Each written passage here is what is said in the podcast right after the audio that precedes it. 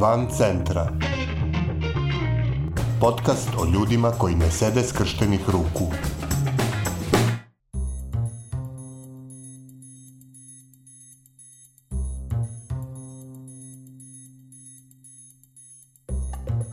Vi slušate 72. epizodu podcasta Van centra, koji prati napore ljudi iz cele Srbije da poboljšaju kvalitet života u svojim sredinama.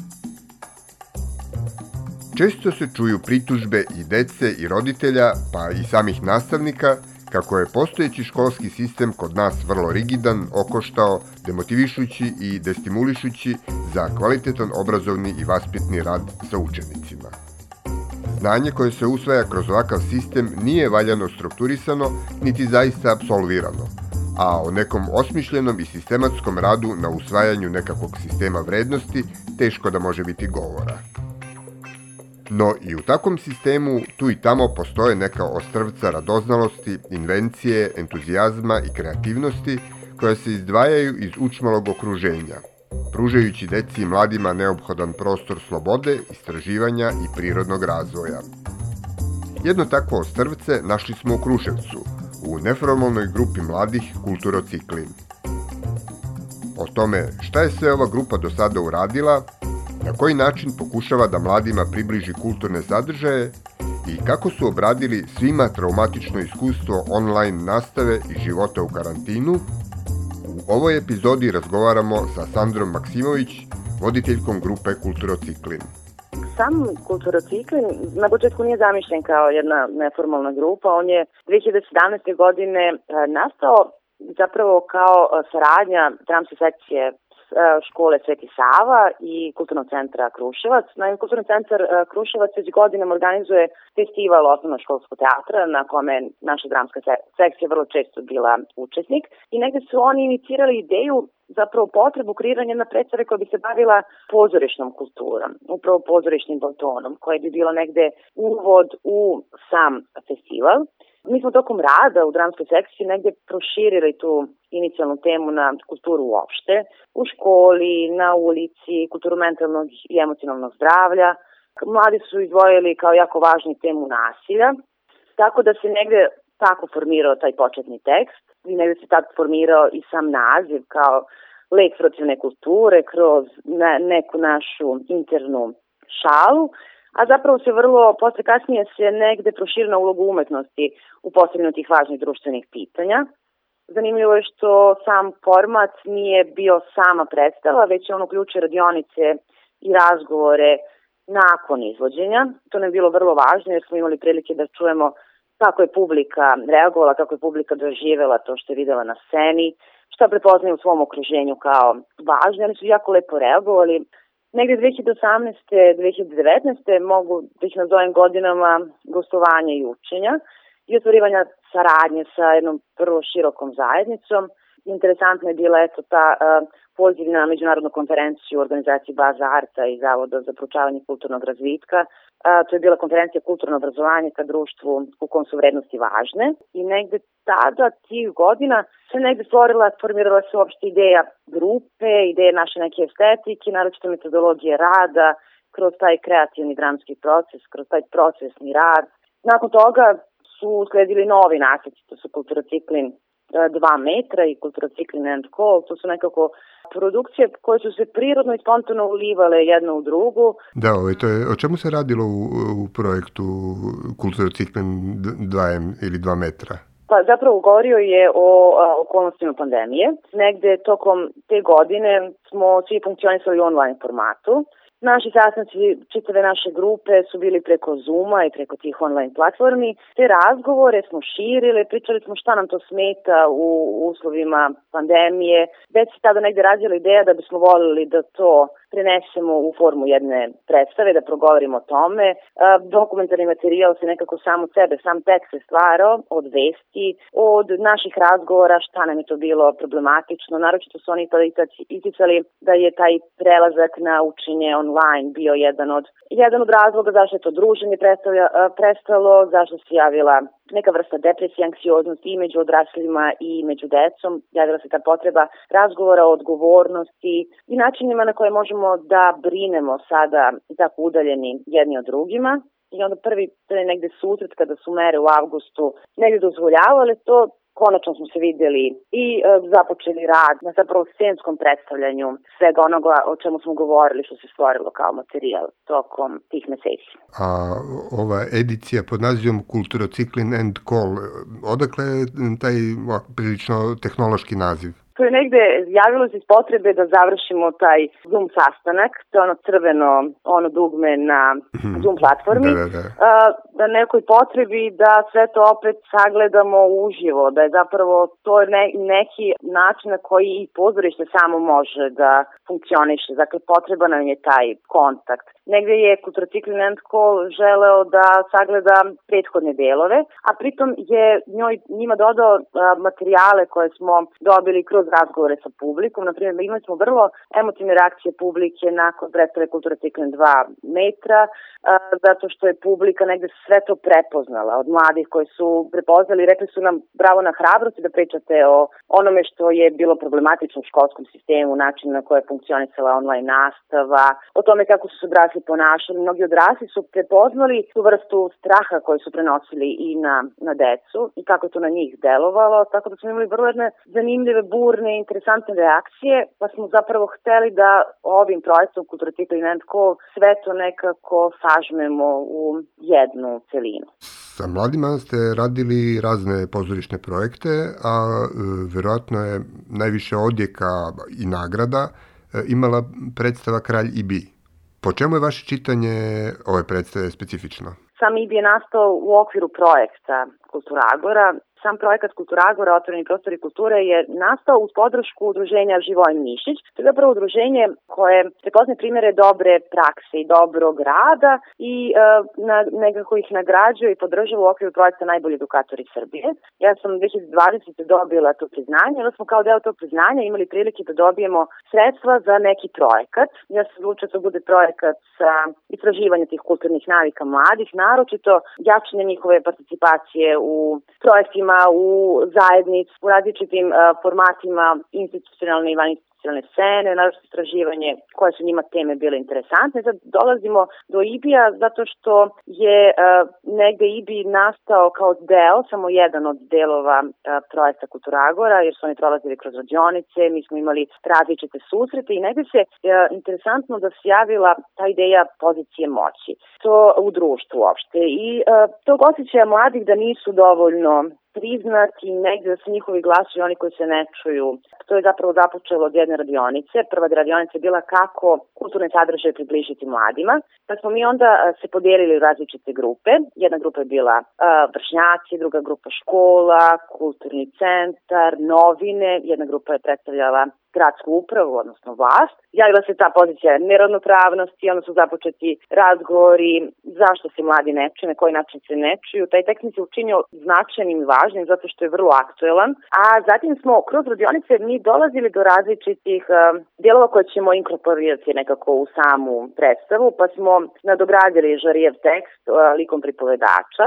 Pripovedač je neko ko treba da predstavlja medije, one su nam bili važni kao tema. E, naravno medijska pismenost, koliko mladi e, shvataju, koliko je uloga medija, na koji način mediji utiču na na njih, njihove stavove, njihove ubeđenja. Jedan veliki deo uh, je takođe uh, uključen u lik kulture, odnosno lik umetnosti. U žarijevom tekstu nema tih likova. Mi smo smatrali da je jako važno da imamo lik nekoga koji je umetnik u društvu Ibijevskog, eto tog, te jedne Ibijevske nigdine, kako smo je mi negde nazivali, tog džubrišta sveta, te preplavljenosti takvim medijskim sadržajem i zapravo tema aktivizma mladih. Dakle, Kralj Ibi je bio deo e, projekta Kultura Agora, A e, šta je, šta je još bilo tu? Šta, šta se stoji iza tog ozbiljnog imena? Smo naš projekat počeli u avgustu 2021. za vreme raspusta. Dakle, oni su svi želeli njih 17 koliko je, od početka je do sada je i dalje tu. Mi smo krenuli od tog definisanja tema, da smo započeli, um, započele zapravo jedna svetstvena obuka vršnjačkih edukatora za te radionice. Od uvoda u tehnike, na primjer, kreativne drame, do načina na koji oni mogu da promovišu svoj projekat, da se uključe u zajednicu, a oni su zaista uključivali. Naročito su tu važni, važni ih pomenuti, alternativni kulturni centar Gnezi. Imali smo takođe veliku podršku kulturnog centra, sa njima imamo podršku zaista od njih od početaka ovih projekata. Uh, alternativni centar za devojke, imali smo prilike da takođe kod njih prisustujemo, budemo gosti. Negde ideja kulturociklina jeste da izađe, da se prosto oslobodi tog formalnog krutog sistema kakav nažalost još postoji u, u školi. A zatim smo uh, kreirali predstavu, usledila su gostovanja, festivali, da bi smo na kraju negde sama ideja bila da završimo jednom tribinom, Na toj tribini predstavljena je i knjiga sa prostorima Kulturagore. To je negde je knjiga koja prikuplja materijale, iskustva, saznanja čitavog četvorogodišnjeg trajanja grupe Kultura Cikl i meni vrlo važno donosim njihove glasove. To moram da kažem koliko je mene ta takva vrsta rada isto i promenila, i osnažila i osvežila i um, prosto mnogo je važno nešto što možda ne stignemo u tolikoj meri uh, kroz formalno obrazovanje, radim u školi, imam i ta iskustva, ali prosto uh, ovakva vrsta rada čini jednu vrlo snažnu grupu koja je zaista sposobna da bude velika podrška i ne samo to, oni su zaista probudili zajednicu u kojoj su delovali. I dalje je bud. Svakako bih želeo da pomenemo i vaš projekat koji se zove Ana Skrovišta Slobodišta. Pa da čujemo nešto i o tome. Projekat Skrovišta Slobodište negde uh, učestvo nekako želeo da uh, proučava ne samo čitalačke navike mladih, nekako da ih i razvija, pa je 2019-20. školske započetno čitanje dnevnika Ane Frank. Da bi to bilo zanimljivije, mi smo negde uh, počeli i pisanje ličnih dnevnika. Mislim da su jako važni uh, razvijenja emocionalne pismenosti i onda su se vremenom prilično otvarali i počeli smo da dolazimo do neke tematike. E, kada su počeli dramske radionice, kada su počeli više da se osnažuju kao tim, kao grupa, kroz pokret, mislim da je pokret jako važan, što sam naravno ja sa podrškom psihologa škole uh, radila kada se desila tema koja je bila pri, prilično lična, Mi smo da organizovali nove radionice, uključili smo razredne starešine, tako da to je bio jedan vrlo zanimljiv sveobuhvatan projekat. Interesantno je da je učestvovalo 40 učenika kada smo došli do tog, tog teksta i negde podelili na teme, teme koje su njima bile važne, od, e, odnos sa roditeljima, naravno taj uvek odnos stari i mlađi, onda fenomeni interneta i društvenih mreža, koliko je zapravo to za to njih opterećenje, da nisu toga ni svesni, kako su oni to nazvali, rekli su da to način na koji se sami lišavaju slobode, zatim školski sistem, nasilje, diskriminacija koje se javljaju, dakle to je nekako, tu je negde bila ta tematika koja je stožer. Ja sam vrlo malo intervenisala u smislu njihovih tekstova, žela sam da se čuje zaista njihov autentičan glas. Počela ta saradnja sa kulturnim centrom, što je sjajno i što imamo tu mogućnost saradnje. One su nam ustupili svoj prostor, gde smo se upoz onda upoznavali. One su upoznavali kako radi tonska kabina, oni koji zanimao svetlo, zvuk, muzika, svi su nekako imali svoju ulogu, neke zanimala promocija samog projekta. Onda je to izvođenje samo bilo vrlo emotivno, 40 učenika.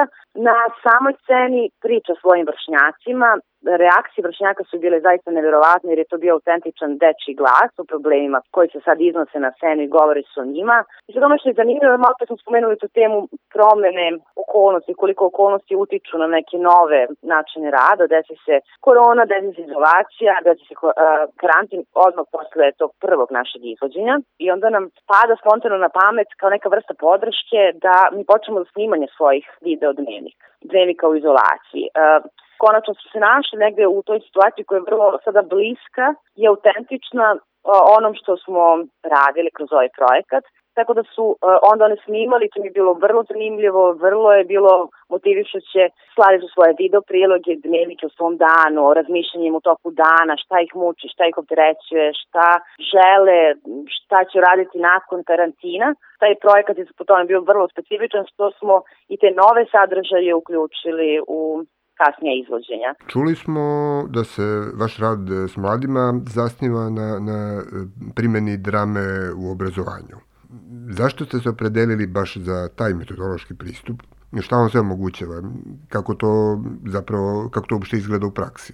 Kroz saradnju sa svim, spomenuli Bazar, CDU, a jer su jako važni u našem odrastanju i načinu na koji smo svi mi godinama menjali i menjali svoje postavke na ono što smo radili. Ja sam kao nastavnik, oni imaju sjajnu tu konferenciju svake godine koja zapravo služi kao neka vrsta edukacije nastavnicima da kako mogu usvojiti, kako mogu primeniti kreativnu dramu u nastavi. Ja sam zapravo kroz taj rad, ne samo 7 godina rada u dramskoj, već zapravo primene tog rada na času videla koliko to utiče e, na mlade. To je prosto neverovatno da se dobijaju rezultati koji su možda nemogući za četiri godine jednog e, nastavnog, običajenog, tog monološkog nastavnog procesa, da samo primenom pokreta u nastavi ili drugačije metode rada da prosto nevjerovatno koliko uh, dovodi do otvaranja učenika, do podsjetnja te radoznalosti, empatije, na primjer, jako je značajan za dijalog, za kritičko mišljenje, zapravo nastavnik zna da posle nekog vremena ili izgubi entuzijazam ili upadne neke svoje obrase, a ovo zapravo ovakav način rada uh, je stalno preispitivanje, osluškivanje potreba mladih i neke vrste slobode koja se ne dobija načinom tim nekim formalnim i ustaljenim metodama rada. U, tako da zapravo vrlo je primenjiva u svim predmetima, ne samo kada je srpski moj predmet u pitanju. Dobro, prilično smo do sad pričali o mladima. Sad bih voleo da pređemo na jednu temu koja isto, koja se prepliče kroz cijelu ovu priču, to je ta neka nezavisna kulturna scena. Sad, više puta smo pomenuli do, u ovom razgovoru e, kulturni centar Gnezdo, koji nam je isto bio e, sagovornik u jednoj od prethodnih epizoda. Pa bi rekao čovjek da je Kruševac plodno tle za te vrste inicijativa, ali koliko je to tačno? Kako vi kao dugogodišnji kulturni aktivista, to jest aktivistkinja, e, vidite funkciju takvih neformalnih umetničkih inicijativa i kako to zaista funkcioniše u gradu kao što je Kruševac? Da je to jako značajno i važno pitanje. E, malo čas smo i spomenuli koliko, koliko prosto inicijative neformalne, nezavisne kulturne inicijative se međusobno osnažuju i podržavaju. Upravo zbog tog valjda se kreativnost i rađa u nedostatku sredstava i mogućnosti. Nekako mi smo imali tokom svega ovog rada, pored podrške kulturnog centra, mi smo imali zaista ogromnu podršku upravo gnezda, uh, alternativnog centra za devike, to su sve dakle delovi jedne neformalne, jedne vaninstitucionalne scene. A s druge strane, uh, nekako uh, mi se čini da još uvek do institucionalne scene, do institucija je teško dopreti i promeniti. Nama su naš rad su osnažile upravo van institucionalne uh, institucionalne pruženja zapravo poput Baza Arta, CD-uma, Citeža. Čini mi se da je naš rad nekako bio osnaženiji u Beogradu i van naše lokalne zajednice nego što je stvarno prepoznat i mapiran u lokalnoj zajednici. Ja sad nisam govorila o nagradama koje je kulturna ciklina, zaista ih su brojne. I od gostovanja, mi smo bili u ateljevu 212, bili smo u Kotoru, pobednici smo majcih igara, angažman festa i tu konkurenciji pozorišta Dadovi, malo pozorišta Duško Radović, a zapravo za sve ove godine mi nijednom nismo imali predstavu izvođenja u Kruševačkom pozorištu. Ono što je karakteristično, može tu jedan od tih problema koje bi isto mapirala, jeste što je ovo, zaista ovo što radimo je volonterski rad koji iziskuje mnogo vremena, zaista mnogo vremena i da i pritom ne obezveđuje neka sredstva za funkcionisanje da ne radim u školi, da nemam podršku jednog takvog sistema, teško da bih mogla da posvetim toliko vremena i ovakvoj vrsti rada.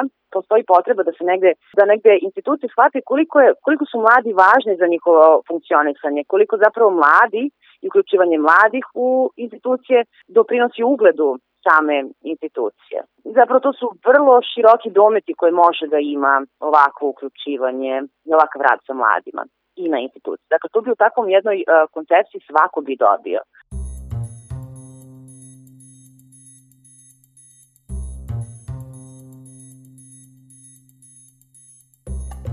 Bila je ovo epizoda Van Centra za 23. februar 2022. godine. Nove priče o ljudima koji ne sede skrštenih ruku moći ćete da čujete u sredu 2. marta. A umeđu vremenu pridržavajte se mera zaštite od koronavirusa, čuvajte svoj i tuđe živote i ne ćutite pred glupošću i nepravdom. Van Centra je autorski podcast koji se realizuje uz podršku građanskih inicijativa. Stavovi izneti u emisiji nisu nužno stavovi redakcije podcasta Van Centra, niti udruženja građanske inicijative. Redakcija Tara Petrović, Miodrag Mrkšić i Aleksandar Gubaš. Urednik i voditelj Aleksandar Gubaš. Muzika i Logical Beat i Ben Sound.